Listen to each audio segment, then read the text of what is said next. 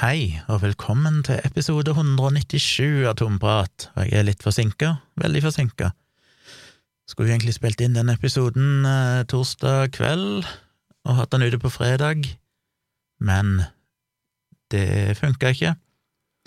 Og hovedårsaken til det er at jeg var for så vidt så heldig å få lov å være gjest i en annen podkast på torsdag kveld, en podkast som heter Skråblikk, som eh, jeg ble invitert til å være med i. Og det er hvis en Jeg kjenner egentlig ikke til podkasten sånn, det virker som den er ganske filosofisk, at det er mer sånn eh, ja, filosofisk prat. Jeg ser de har hatt en del gjester tidligere. Og eh, det var et litt annet format enn det jeg er vant med, for det ble livestreama på Twitch. Så det var litt sånn teknisk trøbbel i starten og sånn, og så kom vi i gang, og det skjedde inne på Discord. Så det var folk inne på discorden til denne podkasten som òg eh, deltok med noen spørsmål og sånn, og etter jeg hadde prata en stund med, skal du kalle det, verten, programlederen, så eh, ble etter hvert en del av de Discord-folkene invitert inn på skjermen, så vi satt der vel på det meste, kanskje sånn åtte stykk, og prata litt, stilte spørsmål, jeg svarte litt, og det var litt fram og tilbake. Eh, varte vel i tre timer totalt, og så vidt jeg har skjønt så skal det legges ut på YouTube, helt eller delvis. Og jeg aner ikke om det er mulig å finne det, det er mulig at det ligger inne på Twitch, jeg har ikke sjekka. Men hvis det finnes noen linker til noe som er tilgjengelig, så skal jeg få lagt det i shownotes hvis dere er interessert i å se det. Det var jo en interessant prat, og vi prata mye. Om eh, fokuset var egentlig på litt på skeptikerbevegelsen, og hva har skjedd med Facebook-sida, og rasjonalitet. Hva tenker jeg om den slags splittelsen til en viss grad som har skjedd i skeptikermiljøet? Um, så det ble prata mye forskjellig, men interessant, så sjekk gjerne ut den. Jeg er litt usikker på om den ligger ute som vanlig podkast òg, om du får den i podkast-app, eller om det er bare en sånn Twitch, eh. Skal se hva jeg finner av linker, så skal jeg få slengt det ut enten i denne episoden, og hvis ikke det er kommet ut ennå, så skal jeg poste det seinere når det dukker opp. Jeg eh, var som sagt forsinka, skulle ha gjort dette i forgårs, egentlig og så har jeg ikke sånn supergod tid i dag heller. Det er mm, travelt, mye som skjer. Jeg har en avtale om en time, så jeg må bli ferdig innen det. Helst å poste episoden og sånn òg, så det blir en, eh, en, litt kortere episode i dag. Men jeg har noen småting å prate om. Det første jeg tenkte å nevne innledningsvis, var at jeg har jo fått et ønske, jeg fikk et veldig konkret ønske ifra ei som sendte meg en mail, men jeg har vel hørt det tidligere òg, tror jeg, antyda men det er jo dette med patrionen min. Der har jeg jo så langt hatt fire nivåer. Jeg har hatt Tjomli S, eller Tjommi S for smål, Tjommi M, Tjommi L, og så har jeg hatt en Tjommi XL som er litt sånn ultraeksklusiv. Og den rimeligste Tjommi S, den koster jo fem euro, så du kan velge hvilken uh, valuta du vil betale i, så det varierer litt, men jeg pleier å runde det til sånn cirka en 50-lapp i måneden, kanskje bitte grann mer. Men så var det uh, ei som, og kanskje flere, som sa at uh, de veldig gjerne vil støtte meg, fulgt meg lenge og alt mulig sånn, men fordi de kanskje er studenter eller av andre årsaker, så kan òg en, en drøy lapp i måneden være mye, så de lurte på om det gikk an å få en enda lavere nivå og det har jeg jo egentlig tenkt på, men vært litt sånn usikker på ja, om det er noe for seg. Må ikke bli for komplisert og for mange nivåer. Men jeg endte opp med å gjøre det, så nå finnes det en Tjommi XS, en extra small, altså. Så hvis det er noen eh, der ute, hvis du har hatt lyst til å støtte meg, men har enten tenkt at du kanskje ikke har råd, eller du har tenkt at eh, du trenger ikke noe bonusgreie, du er bare interessert i å støtte meg fordi du verdsetter podkasten og YouTube og blogg og det jeg driver på med, så finnes det nå en Tjommi XS. Så hvis du går inn på patrion.com slash tjomli, så finner du alle nivåene der, og da kan du velge det som passer deg. Og hvis du bare vil være en sånn symbolsk støttemedlem, så kan du velge Tjommi XS, og den koster nå tre euro i måneden som jeg tror ble 32 kroner i måneden eh, i skrivende stund. Så det håper jeg jo at folk kan eh, ha råd til. Det eneste du får som bonus der, er at du får tilgang til min Discord-server, Den er ikke superaktiv, derfor vil jeg ha flere inn der. Så det er veldig hyggelig hvis du blir tjom i XS, så blir du automatisk eh, kobla inn mot eh, Discord-serveren og får tildelt en rolle der som heter Tjommi XS. Og der kan du møte de andre patronene og en og annen person som er blitt uh, invitert inn som ikke er patron, så jeg tror det òg fins. Det er iallfall noen som har spurt meg om de kan få lov å invitere inn en, en venn eller to, jeg er ikke helt fulgt med. Og der finnes det forskjellige rom for uh, YouTube-kanalen min, for bloggen min, for samboerprat, for generell prat, for musikkprat, for podkastprat, uh, alt mulig rart. Og det går jo an å voicechatte, så du kan voicechatte med andre med å gå inn i et rom for voicechat. Så gjør gjerne det. Du blir altså automatisk tildelt en rolle så fort du signer opp på patronen min og dukker opp inne på discorden, og der kan du chatte med meg i real time. Så hvis du har spørsmål, tagg meg, eh, send meg en melding, så skal jeg prøve å, å følge med på det. Så discorden er fin òg hvis du har innspill og ja, tilbakemelding eller noe du vil diskutere, så kan du gjerne bruke discorden. Det er en enkel måte å, å få direkte tilgang til meg og de andre som er patrions. Så patron.com slash tjomli, nytt nivå altså, tjommi XS, tre euro i måneden. Blir veldig glad hvis dere støtter meg der. Det er altså ikke noe bonusmateriale, du må opp på tjommi S, small. Da får du bonusepisoder av podkasten, og du får livestreamene mine som podkast og sånt. Men hvis du bare vil støtte og ikke bry deg så mye med alt det andre, så er det Tjommi XS. Og jeg håper jo mange har lyst til å støtte meg der, for det, det betyr veldig mye og gjør det mulig for meg å drive med de tingene jeg gjør. Så det var Tjommi XS-en, ekstra small. Um, jeg fått tilsendt noen mailer. Jeg må prøve å ta det litt sånn fort, og jeg ikke Ja, jeg har ikke satt meg supermye inn i disse tingene. Men jeg syns det er verdt å nevne, så kan dere lese artikler sjøl, som jeg kommer til å lenke til. Men jeg fikk tips ifra én, som se hvem det var.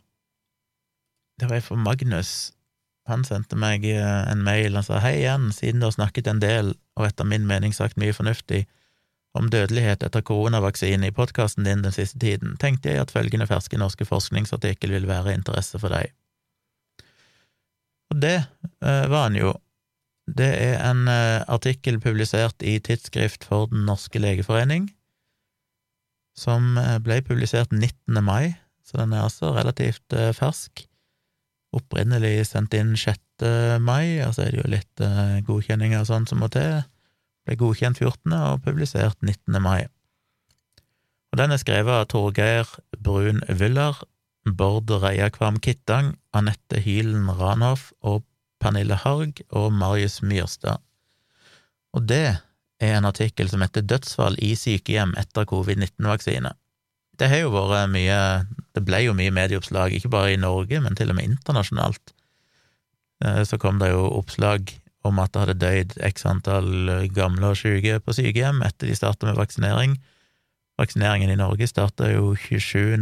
desember i fjor, og i perioden 27. desember til 15. februar, altså ca. seks uker, så ble 29 400 av Norges ca. 35 000 sykehjemspasienter vaksinert med Pfizer-vaksinen. Så det var jo ganske effektivt. I løpet av seks uker så fikk du faktisk vaksinert, gitt én dose iallfall, til de aller fleste sykehjemspasientene i Norge. De ble jo prioritert først, siden de er høyest risiko. Og i samme periode, altså de fram til 15. februar, så mottok Statens legemiddelverk 100 meldinger om mistenkte fatale bivirkninger av vaksinen.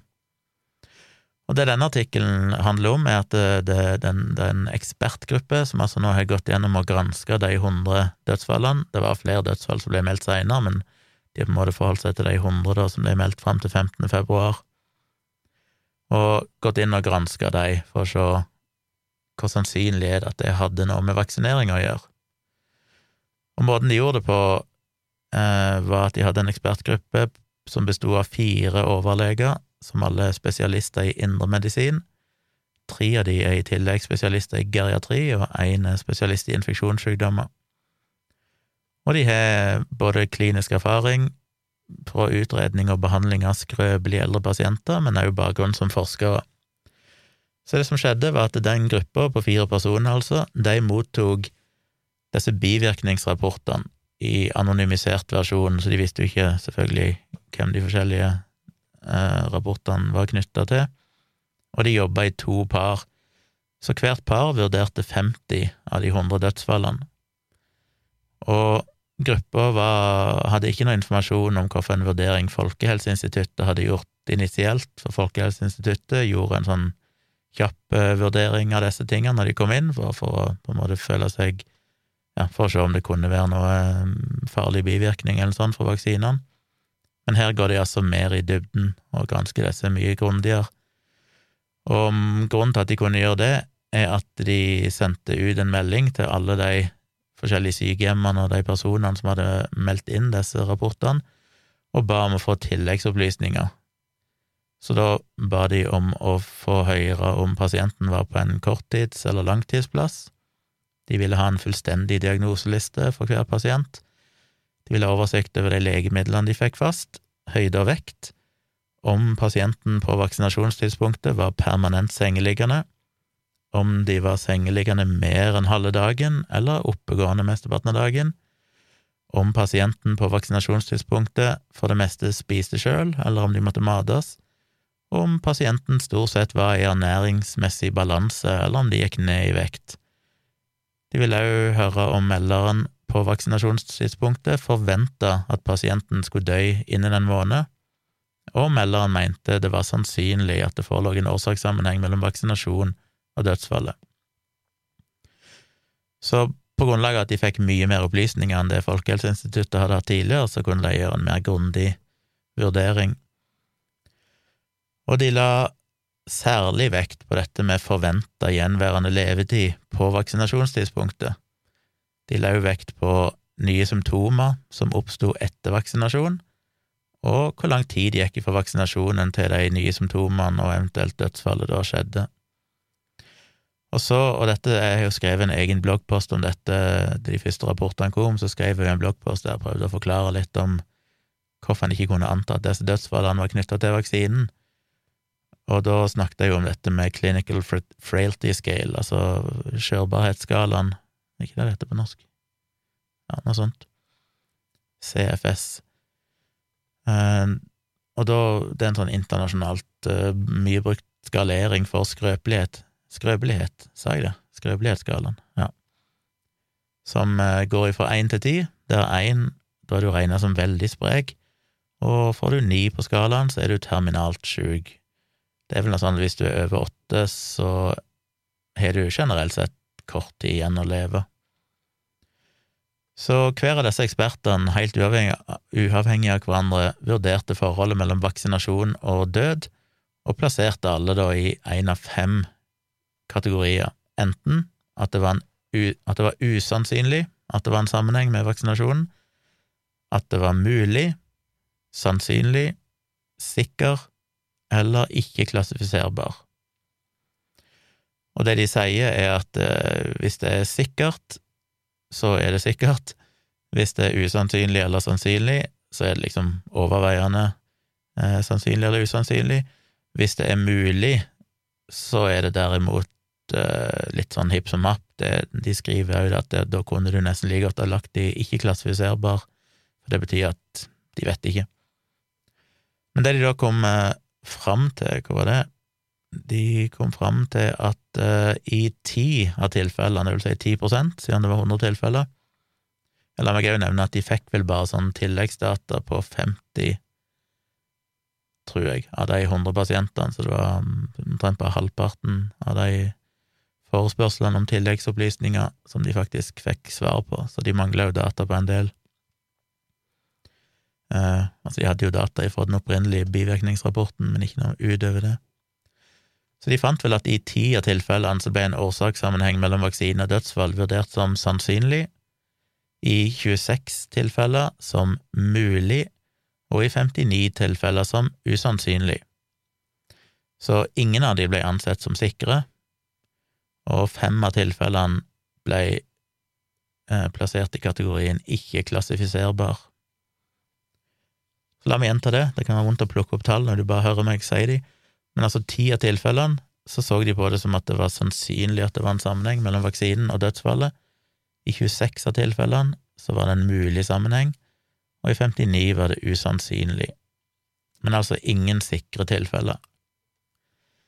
Samtidig så understreker de jo at de anslagene er usikre, som er litt ironisk, at det er usikkert at noen av de er sikre.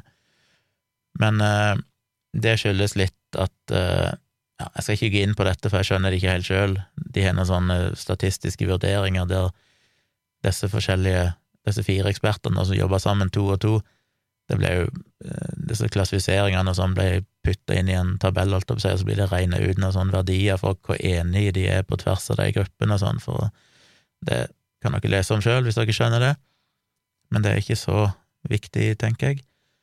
Um, så det de sier, er at disse meldingene, bivirkningsrapportene og informasjonen de fikk, de inneholdt i mange tilfeller for lite klinisk informasjon til at det var mulig å danne seg et inntrykk av pasientens kliniske forløp, og dermed en eventuell sammenheng mellom vaksinering og død.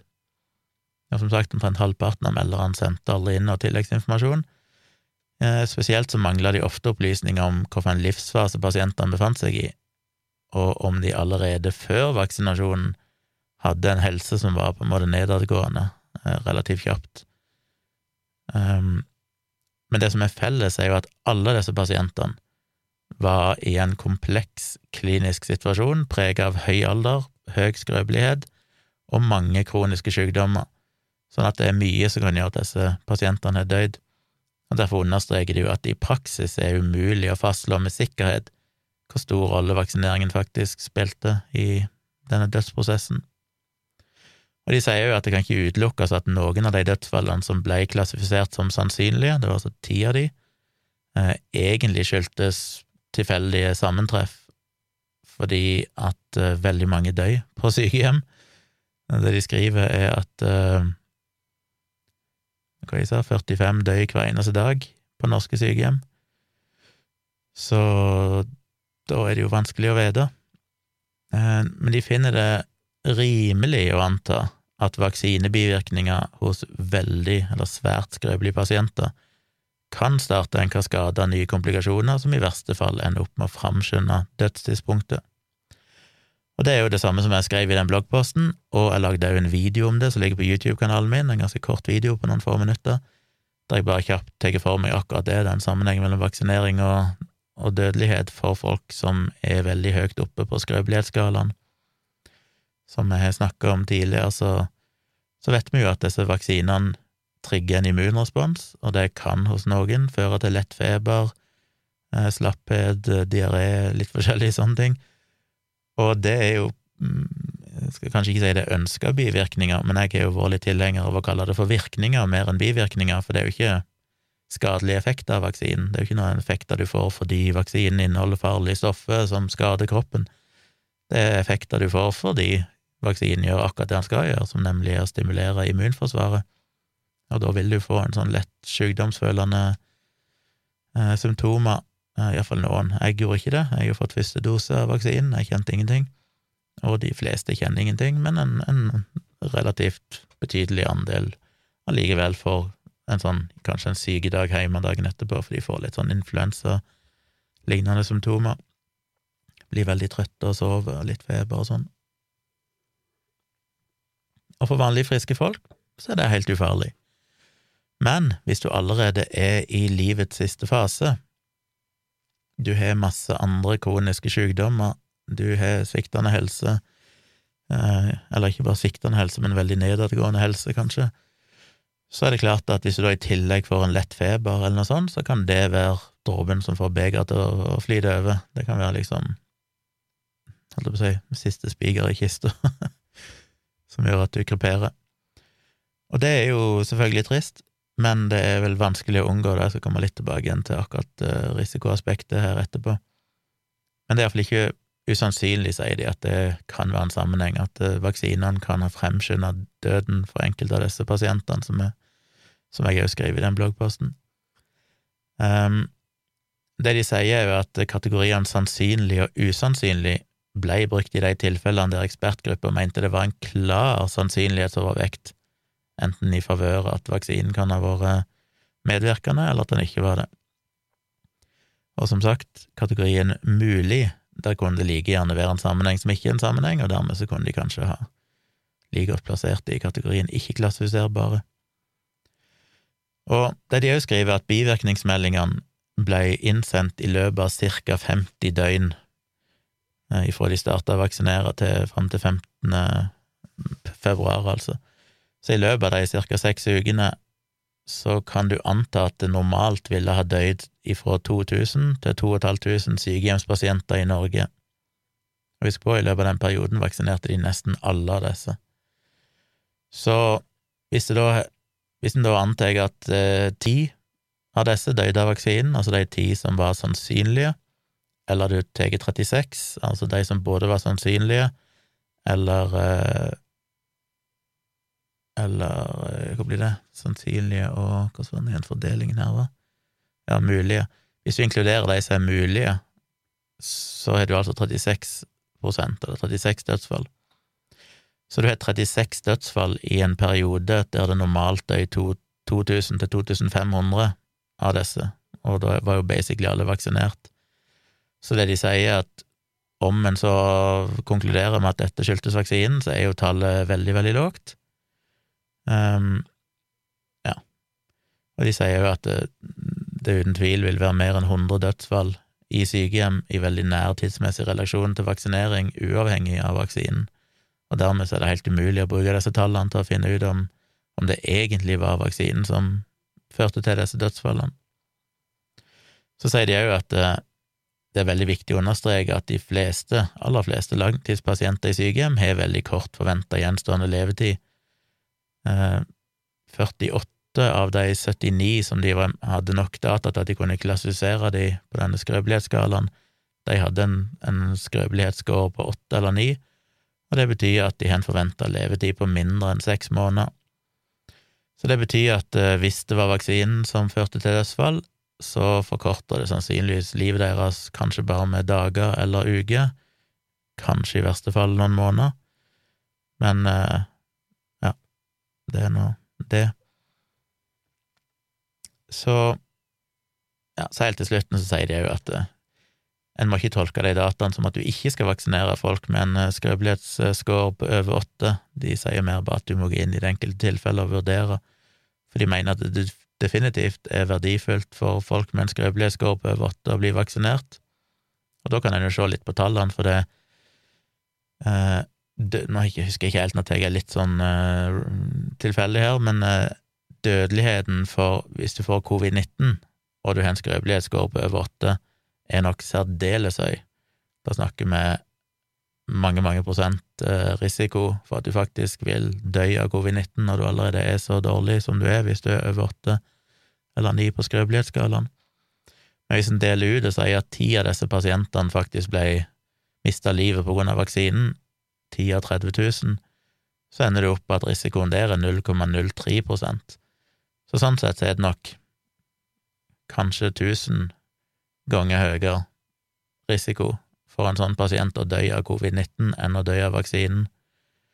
Så sånn sett kan en jo si at ja, det er en veldig liten risiko for at hvis du allerede er veldig skrøpelig, så kan den vaksinen være det som tipper deg over, og igjen så er det viktig å understreke som er jo selvfølgelig mange ikke får med seg, eller ikke vil få med seg. Disse pasientene døde ikke fordi vaksinen var farlig, de døde ikke fordi den inneholdt et skadelig stoff som, tok, eh, som drepte de, skada kroppen.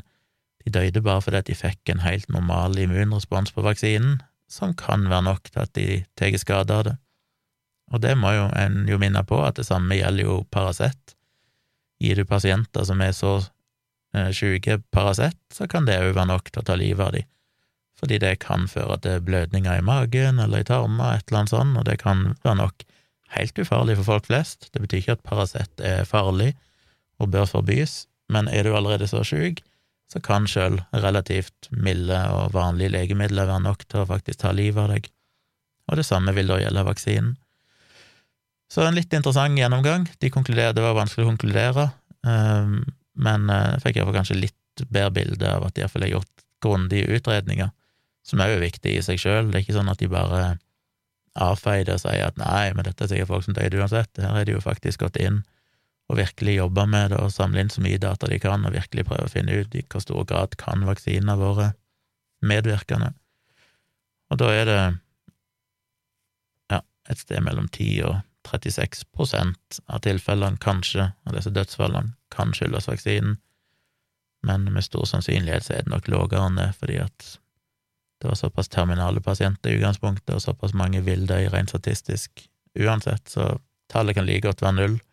Godt være det var null av de som, som døde av vaksinen. Vi vet ikke, men uansett så er iallfall risikoen forsvinnende liten sammenlignet med hvis en av disse pasientene skulle risikere å få covid-19, der det er temmelig høy sannsynlighet for at de vil ende opp med å stryke med. Så ja, eh, det var nå den. Så jeg har jo fått et spørsmål ifra Erik, eh, som sendte inn og lurte på om jeg hadde fulgt litt med på denne her rettssaken om AMS-målere.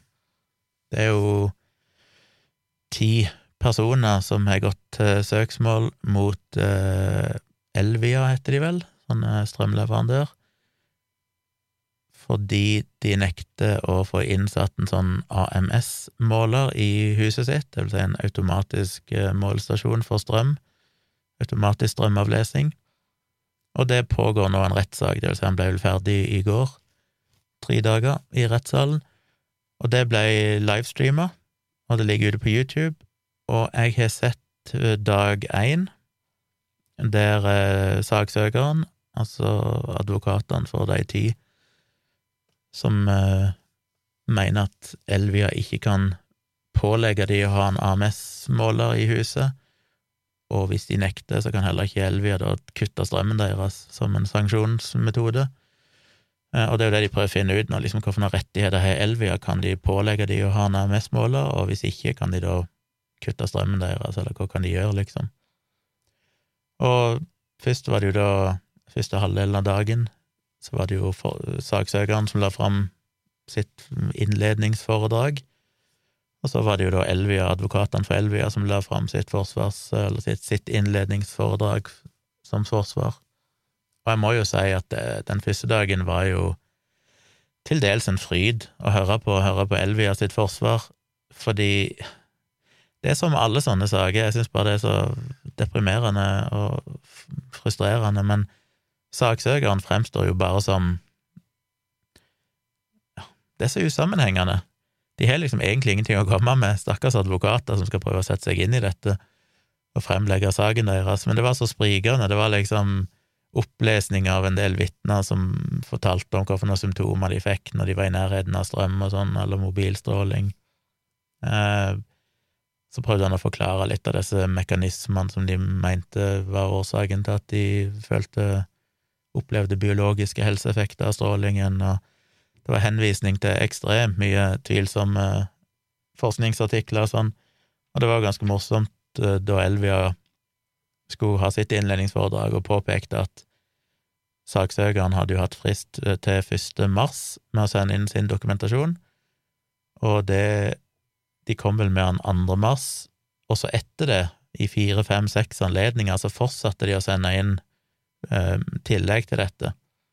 Og det bare sånn Helt klassisk, det var bare sånn gish-gallup, fordi at de hadde visst bare sendt inn eh, sånn bunke med dokumenter på opptil flere tusen sider, der de hadde lagt ved hele bøker som var skrevet, og det eneste de hadde skrevet som kommentar, var her kommer mer dokumentasjon på at mobil, eller at eh, RF, eller denne strålingen, kan være helsefarlig. Uten å liksom gå inn og si Altså, du bare sender ei bok på 300 sider og sier her er dokumentasjon uten å faktisk henvise til ok, på den og den sida så står sånn og sånn, og der har du dokumentasjon og kilde, og det forklarer akkurat dette her spesifikt, som er en del av argumentet deres. Så Elvia sin forsvarer var jo helt oppgitt, var sånn, de mente jo det var helt ubrukelig, hvordan i verden kan de forholde seg til det? Eh, jeg tror de hadde fengt 2000-3000 sider eller noe sånt, med bare utskrift fra bøker og liste med studier og sånn. Men deres eksperter hadde jo prøvd å gå gjennom mye av det, og generelt sett så kom det jo bare fram til at eh, disse påstandene som ble framlagt av, av saksøkeren, på ingen slags måte var begrunna i den dokumentasjonen de hadde gitt. Og det er jo akkurat det samme jeg opplever når jeg har diskutert med de folkene. De kommer med påstander, og så viser de til sånn side der det er lista opp sånn 150 studier som skal vise det. Og det er jo for det første basically umulig for meg å begynne å gå gjennom, men jeg har en sånn strategi som regel jeg prøver å ta stikkprøver, og så ser jeg litt hvorfor et bilde det danner seg.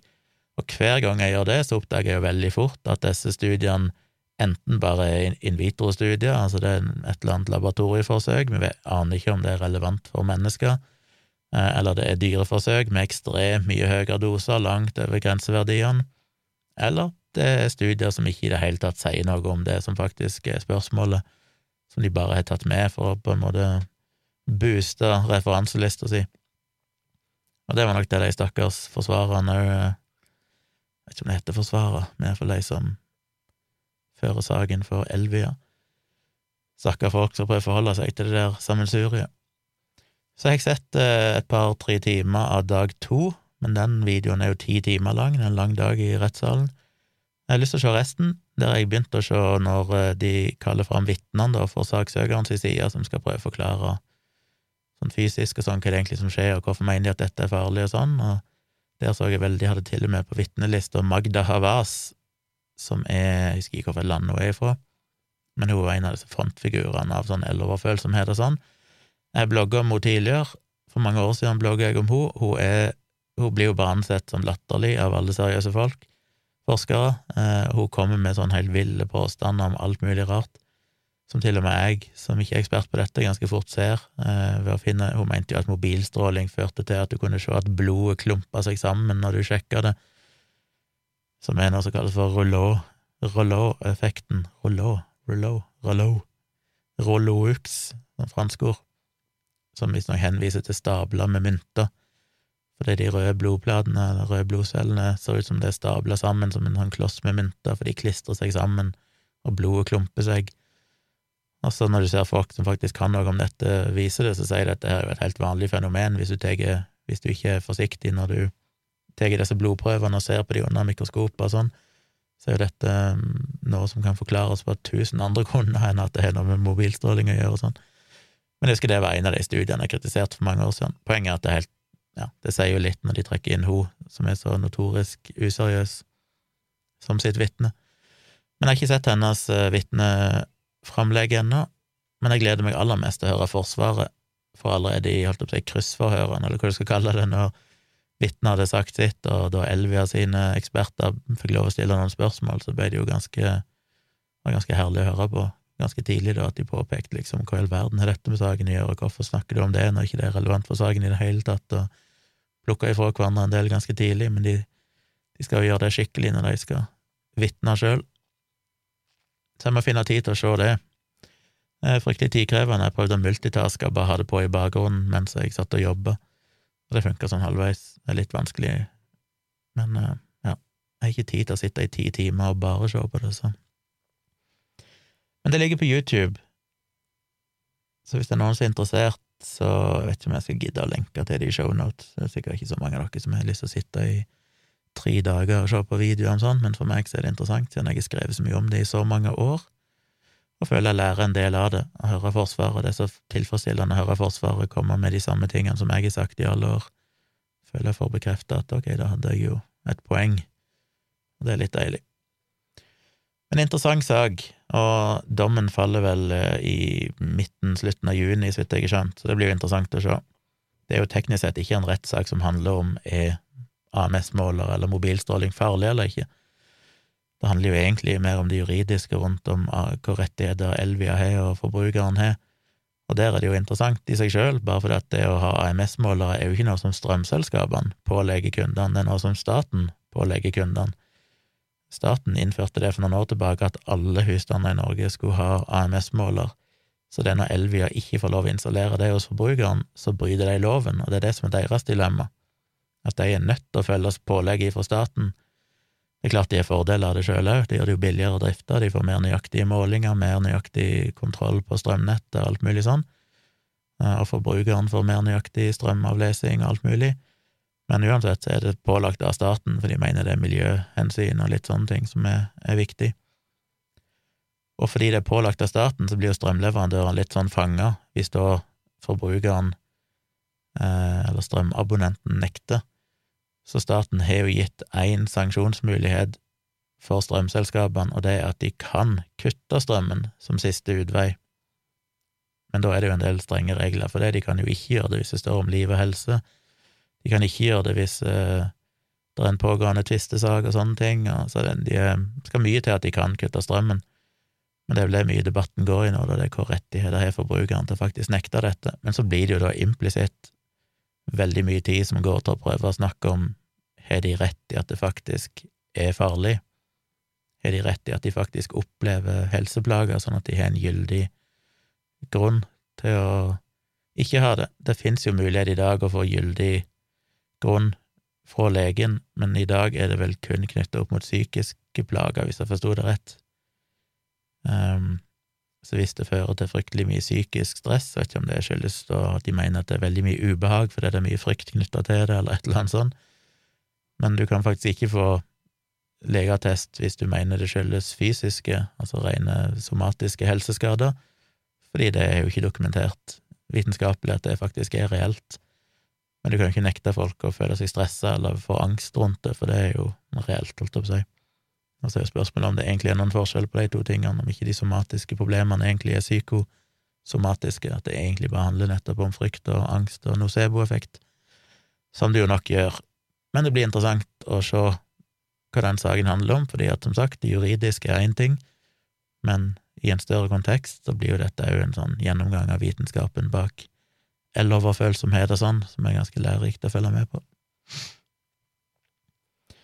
Um, da hadde jeg tatt det og det, og så var det òg en liten sak eh, på slutten her om immunitet fra vaksiner og covid-19. Jeg uh, ville bare si litt om det, for det har vært interessant å finne ut av om hvor lenge kan vi regne med at vaksinene gir immunitet. Og da har de forska litt på det. De har jo mye data på dette ifra disse fase tre-studiene for de forskjellige vaksinene, og de har jo ganske mye data på det der de har undersøkt folk som har hatt covid-19 og fulgt med. Det de har sett på, er jo dette med sånne antistoffer som eh, Det de kaller for nøytraliserende antistoffer som eh, klistrer seg til virusene, sånn at det gjør det umulig for dem å infisere menneskecellene. Og det kan de måle på forskjellige måter, det står litt om det i den artikkelen, det er ikke så relevant, jeg skjønner ikke alt, jeg skal ikke gå inn i det, men de kan iallfall måle det og, og prøve å finne ut av kan du måle disse antistoffene og bruke det som en indikator for i hvilken grad en pasient er immun eller ikke. Og det har de funnet at ser ut til å være veldig eh, solid, at du kan måle antistoffer, og ut ifra det òg finne ut hvor god immunitet de har, selv om det finnes mange forskjellige typer eh, antistoffer, og måten immunforsvaret, immunforsvaret virker på, er komplekst, men ved å måle én av disse markørene, så har de funnet ut at det gir en god eh, korrelasjon med den faktiske immuniteten en pasient er. Så det er de jo sett på. Men det har vært litt problematisk at alle disse forskjellige studiene opp gjennom siste året har vært av forskjellig varighet, de har ofte vært litt små, de har litt, brukt litt forskjellige metoder for å vurdere mengden av nøytraliserende antistoffer og sånn, så det var vanskelig tidligere å finne noen sånn overordna svar på dette. Men nå har noen, eh, en stor gruppe med australske forskere gått gjennom og samla inn alle disse dataene og prøvd å normalisere de, altså gjøre de sammenlignbare. Og da har de vel sju forskjellige kliniske mm, fase tre-studier for vaksiner, og òg noe data fra folk som har vært smitta med SARS-CoV-2, da de òg har data på disse nøytraliserende antistoffene. Og det de har funnet, er jo, som jeg sa, at antistoffene gir et veldig tydelig bilde av immuniteten, som ser ut til å stemme veldig godt overens med den faktiske observerte immuniteten, altså risikoen for å bli smitta. Så det er veldig bra, at da kan bruke det som en, en målemetode. I tillegg så er det jo interessant å se hva er halveringstida for disse antistoffene i kroppen, altså hvor fort forsvinner de ut igjen av kroppen. Og det det ser ut til å finne, er at det er ganske likt eh, Immuniteten forsvinner omtrent like fort enten du har vært syk, smitta, og har naturlig immunitet, eller om du har fått vaksineindusert immunitet. Og det de finner, er at ifra vaksiner så ser det ut til å ha en halveringstid på 58 dager. Dette er vel knytta til Pfizer-vaksinen, eller var det bare generelt? Det husker jeg ikke helt. Det var studier fra forskjellige vaksiner. Ja, nei, det skal jeg komme litt tilbake til. Eh, og 65 dager for en naturlig infeksjon, altså naturlig immunitet, så basically det samme som pluss-minus 60 dager, to måneder, på halveringstid. Og det kan jo høres lite ut, men igjen, statistikk er komplisert, og det er måter å regne på dette, og det de sier at når du regner på det, så viser det seg at hvis du har en vaksine som er i utgangspunktet 95% effektiv etter andre dose, som jo iallfall Moderna og Pfizer-vaksinen er, så vil du etter 250 dager fortsatt ha ca. 77% immunitet, og det er mot en symptomatisk infeksjon, altså en, at du blir syk med symptomer, men eh, beskyttelsen mot at du faktisk får eh, alvorlig sykdom, eventuelt mot død, er mye sterkere og vil vare enda lenger.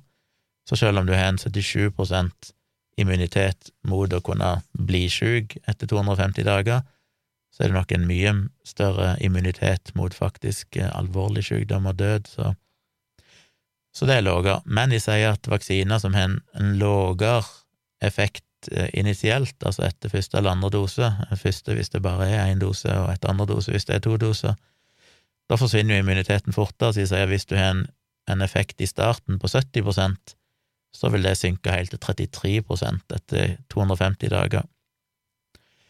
Men så må man se dette i sammenheng med at immunforsvaret er komplekst, og det finnes jo sånne minne-B-celler som bare ligger latente, som husker koronaviruset, men som ikke egentlig gjør en aktiv jobb. Men hvis du blir smitta, så kan de da plutselig begynne å dele seg og, og øke i antall. Og de vet ikke helt eh, De mener at det finnes gode data på at du produserer en del av de minne-immuncellene, nå bruker jeg kanskje feil ord, jeg vet ikke hva det heter på norsk, men memory immune cells, eller memory B-cells.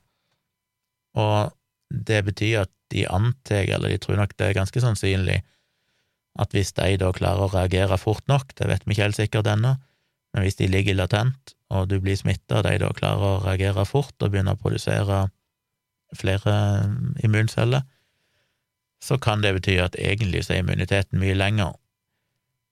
Så det de sier til slutt, er at hvis disse minnecellene og andre immunmekanismer klarer å reagere fort nok, som gjør at ikke en infeksjon, altså ikke en virusinfeksjon, klarer å bli alvorlig, altså at viruset får ikke replikert seg sjøl nok før immunforsvaret griper inn og begynner å drepe dem, så kan du faktisk ende opp med en ganske mye lengre immunitet enn det den halveringstida tilsier. Men vi vet ikke det sikkert. Uansett så er det jo da data her som peker i retning av at du nok vil, ut fra disse dataene, hvis de ender opp med å stemme, nå er jo dette en studie, så det er ikke noe vi kan konkludere 100 sikre ut ifra, men det virker jo som det er en ganske solid arbeid som er gjort. Hvis du da har 77% immunitet etter 250 dager, så kan en jo anta at du har temmelig god immunitet første året etter vaksinen. Nok, iallfall. Husk at du må alltid se dette i sammenheng med flokkimmunitet, altså hvor mange som er vaksinert fordi vi, vi, jobber jo på en måte sammen. Du kan tåle en lavere immunitet når òg risikoen er mindre, fordi folk flest er vaksinert. Så ut ifra dette så vil jo jeg føle at ja, alt avhengig av disse minne-B-cellene og hvor fort, om det ligger latent uh, immunrespons og sånn, men, men kanskje med Det virker som at det skal ikke være nødvendig med to doser i året, iallfall. Kanskje én dose i året, og kanskje ikke engang det Forhåpentligvis så kan vi klare at det blir litt sånn som en årlig influensavaksine. Men igjen så avhenger det av hvor mange som ender opp med å ta den. Det er jo ikke så mange prosent som, en, som faktisk tar influensavaksine hvert år, så det er jo komplisert. Men interessant uansett å få med seg dette. Nå må jeg øyeblikk springe, så jeg må avslutte. Jeg skal bare nevne at i dag oppdaga jeg at Apple så ut til å ha fiksa problemet sitt med podkasten, så nå er plutselig episodene dukket opp i Apple Podkast òg, som er veldig bra, så da er jeg alltid tilgjengelig der. Så hvis du ikke har fått med deg tidligere meldinger og tror at vi har bare at jeg eller Virkelig grusomt Nei, den, nei sorry, denne podkasten har jo alltid virka i Apple Podkast, men Virkelig grusomt-podkasten har ikke virka, og Dag sin podkast har ikke virka. Så hvis du tror at vi ikke har gitt ut noen virkelig grusomt episoder på lang tid, så er det feil, det har vi, men han har bare ikke virka i Apple Podkast, men nå har du sikkert fått et lass av de plutselig, så da har du mye å kose deg med. Um, ja, det var det siste. Så mens jeg sitter her, så har jeg fått en ny patron på Tjommi XS, som tydeligvis har oppdaga det, uten å ha hørt podkasten her, så det er jo gøy. Så jeg minner dere på igjen det. Veldig glad. Jeg mener hvis eh, en viss prosentandel av alle som hører på podkasten min, hadde faktisk blitt eh, Tjommi XS eller mer, så hadde det jo faktisk gått an å prioritere å bruke enda mer tid på det jeg gjør. Så det hadde jeg blitt veldig glad for. Men da skal jeg prøve å være tilbake igjen med en ny podkast i Når blir det? På tirsdag? Og eh, fortsett å sende inn mail til tompratpodkast at gmail.com. Noen som sender meg meldinger på Messenger og Instagram og sånn, men som sagt, jeg vil helst ha det på mail, for ellers så forsvinner de fort og blir bortglemt og sånne ting. Så send meg mail til tompratpodkast at gmail.com med feedback, tilbakemeldinger, ris, ros, eh, ting jeg har sagt feil, eller bare tips eller spørsmål, ting jeg skal snakke om, blir jeg veldig glad for det. Da må jeg runde av og springe, og så får jeg posta denne episoden når jeg er tilbake igjen. Men da dukker han vel opp i løpet av denne lørdag 22. mai, selv om ingen får sett det, for det er jo ingen får hørt på han, for det er jo Eurovision i kveld, og det skal jo alle se på. Men ha en fortsatt god pinsehelg, uansett når du hører dette, så lenge du hører det før pinsehelg er ferdig, så er jeg tilbake igjen over pinse.